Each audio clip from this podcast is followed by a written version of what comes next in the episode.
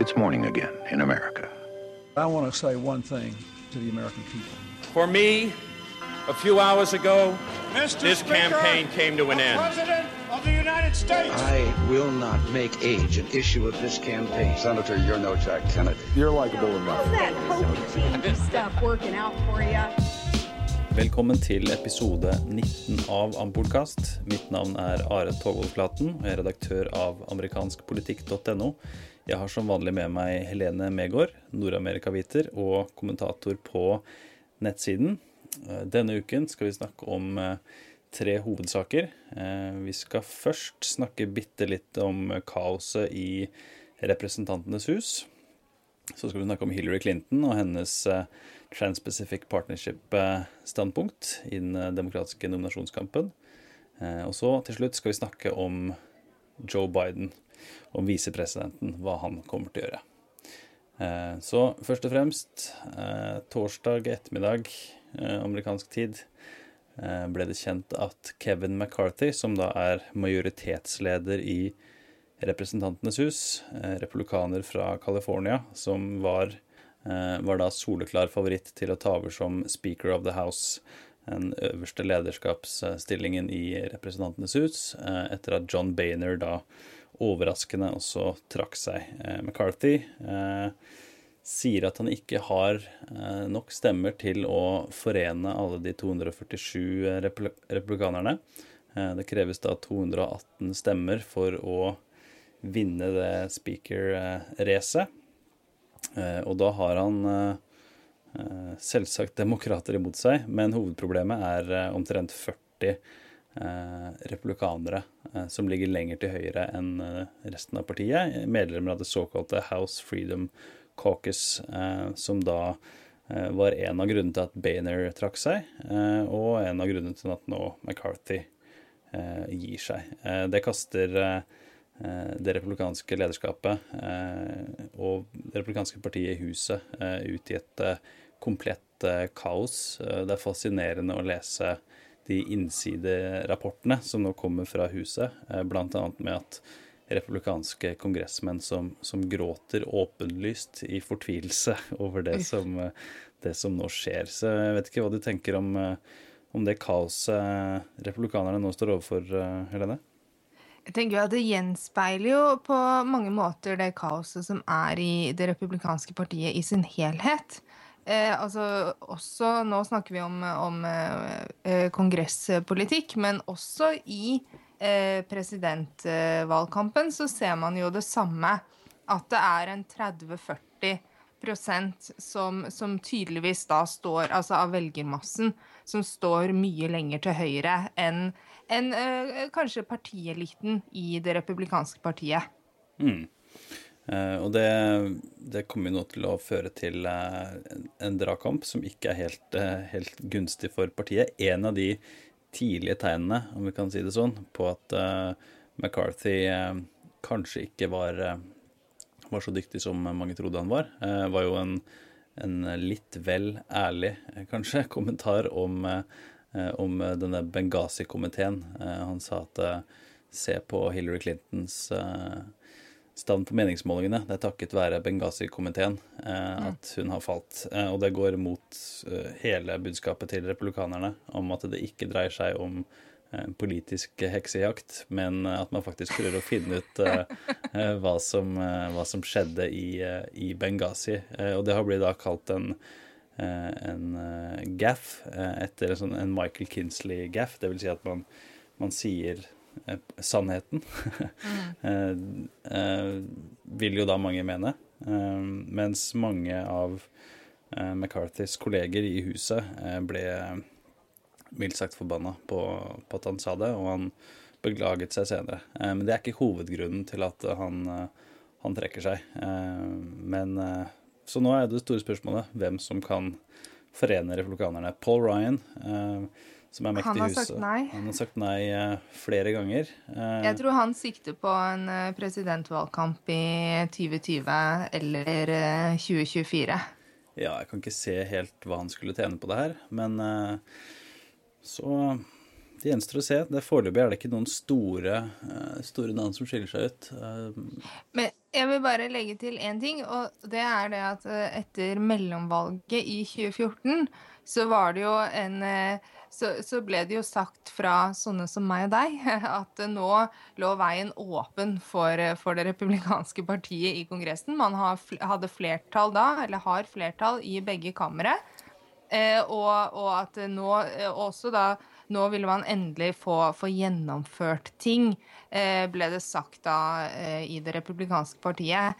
Eh, men det har jo vist seg å ikke stemme i det hele tatt. Eh, og partiet er jo da ikke Altså, én ting er jo da presidentvalgkampen, hvor man har hatt eh, eh Jeg kommer nesten ut av tellingen. Det var 17 kandidater på det meste.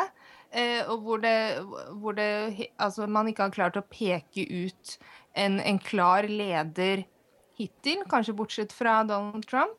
Eh, og også nå har du da dette kaoset i, i huset. Eh, og jeg, jeg bare tenker at det Altså, alt dette sett under ett er ikke positivt for det republikanske partiet. Jeg tenker at uh, man, uh, man uh, Ja, det gir ikke gode signaler overfor velgerne. Det gjør det absolutt ikke. det man kanskje ser, er at John Bainer faktisk gjorde en ganske en god jobb. Ja. Klarer å faktisk styre skuta, delvis i den perioden. Eh, et av problemene eh, som, som, jo ble pekt på idet de tok over eh, flertallet også i Senatet, var jo at det da vil, vil det stilles høyere krav til dem. Ja. At de faktisk skal gjøre det de har sagt de skal gjøre. Så det er jo en av baksidene med å faktisk vinne flertallet. Ja, du. Men så har du jo også da en sånn andre ting som man kan se på, er jo at, at disse to beslutningene til Høyesterett nå Eh, på, på, forsommeren. Da man gjorde eh, ekteskap, altså likekjønnet ekteskap, eh, lovlig. Eh, og også da denne seieren for Obamacare. Selv om det ikke har noe med eh, kongresspolitikk å gjøre e egentlig, så er det ja, Altså, det peker bare mot eh, et republikansk parti i krise. Ja, og en av symptomene på at det skjer mye rart i det republikanske partiet om dagen, er jo at eh, Donald Trump leder eh, fortsatt på meningsmålingene. Eh, og han var jo da en av de som, eh, som nå jubler for at, eh, for at, Kevin McCarthy da bukker under eh, for mer konservative krefter i partiet. en av de som satte stor pris på Kevin McCarthy og tidligere nevnte Benghazi-komitékommentaren, var jo Hillary Clinton. denne uken har hun kommet i mediene pga. Eh, at hun omsider har tatt standpunkt i eh, Trans-Pacific eh, Partnership-handelsavtalen. Og kommer da ut imot den, selv om hun som utenriksminister sa mye fint om den, og selv om hun i boka Hard Choices skriver mye fint om den. Og det er jo da enda et eksempel på at Bernie Sanders og dynamikken i den demokratiske nominasjonskampen trekker Hillary Clinton lenger og lenger til venstre. Eh, så altså, mm. det eneste som ga mening i forkant av eh, neste ukes debatt, eh, og det som nå skjer, var jo da å komme ut mot, mot denne handelsavtalen.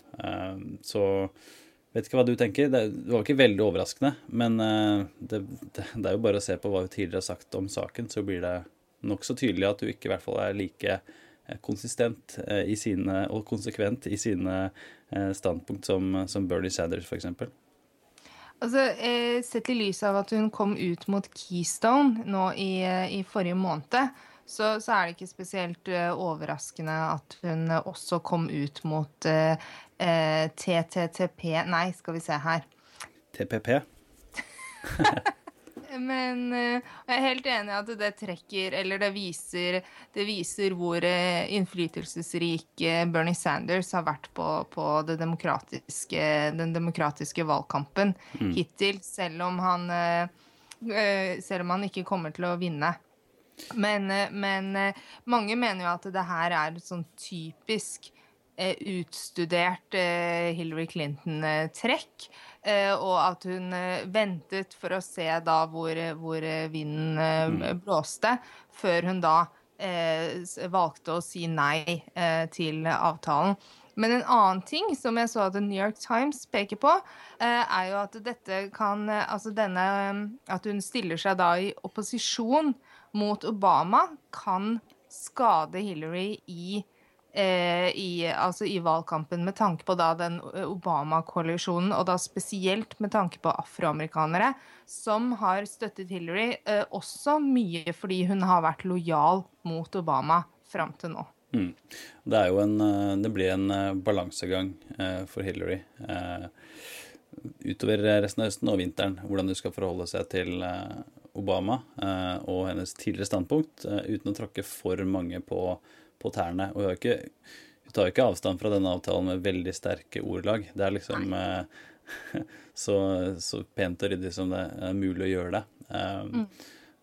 Og, Men Mm. Det peker jo tilbake da på den eh, diskusjonen eh, Hillary og Obama hadde om NAFTA-avtalen i 2008-valgkampen, mm. som da eh, Bill Clinton etter mye om og men da signerte i 1993, eh, og som, som eh, Hillary var for helt fram til valgkampen, og hvor da, da Obama tørt bemerket at uh, hun var for avtalen helt til hun da stilte som presidentkandidat. Mm. Så det er jo Denne nevnte debatten ligger, ligger, i bakgrunnen her. Uh, de andre kandidatene, deriblant Martin O'Malley, som vi ikke har snakka om på en stund, og Bernie Sanders, har jo da vært klar og tydelig i denne saken lenge.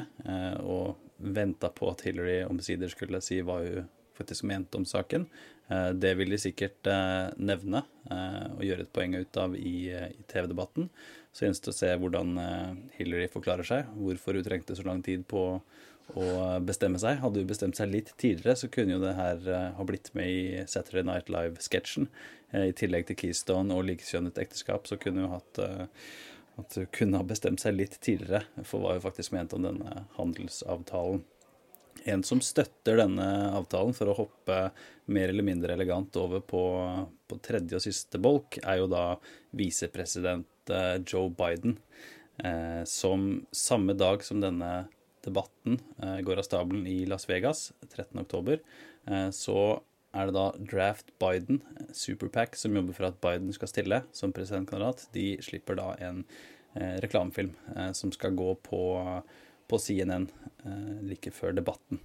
Den har vi hatt i Morgenkaffen. Kort og godt så forteller den historien om Joe Biden. Han har mistet sin kone og sin datter, og om nå da i vår mistet sin sønn Bo til hjernekreft.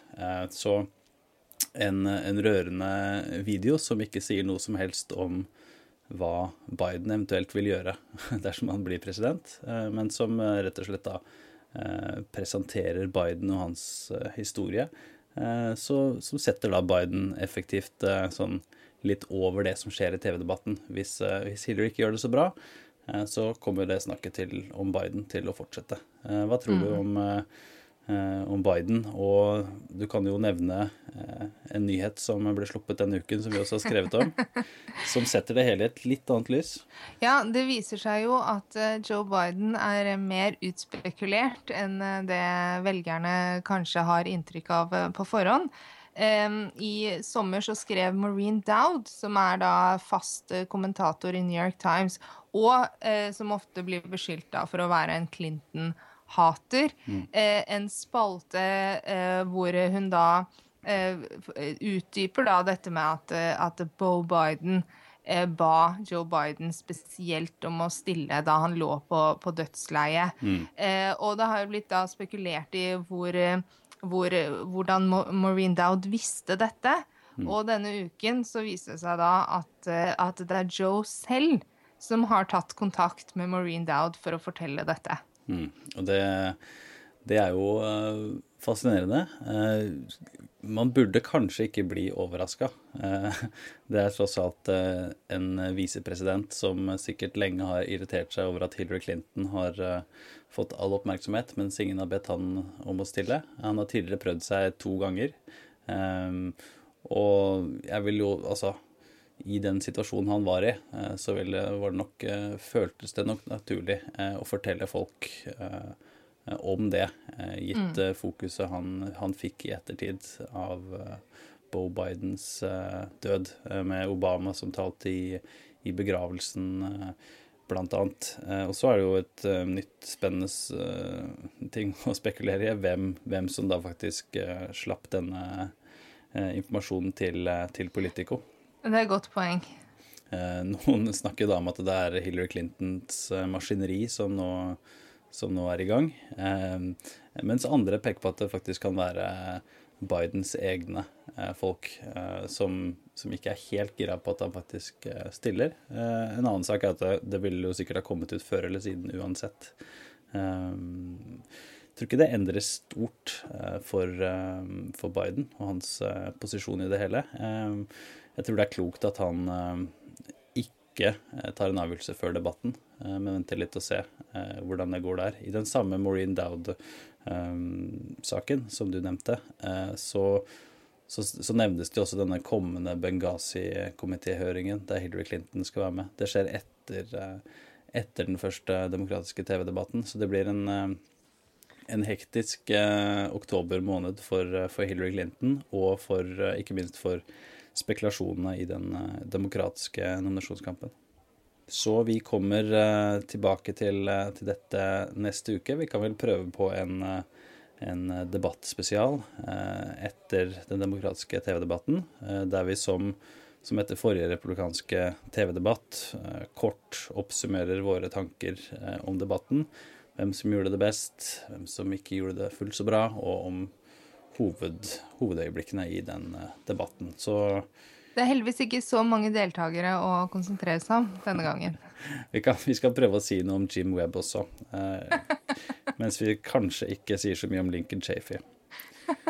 Og med det så sier vi takk for, eh, for ukas Ampolkast. Eh, hyggelig om dere følger oss på, på Twitter, et ampolitikk. Eh, så snakkes vi neste uke.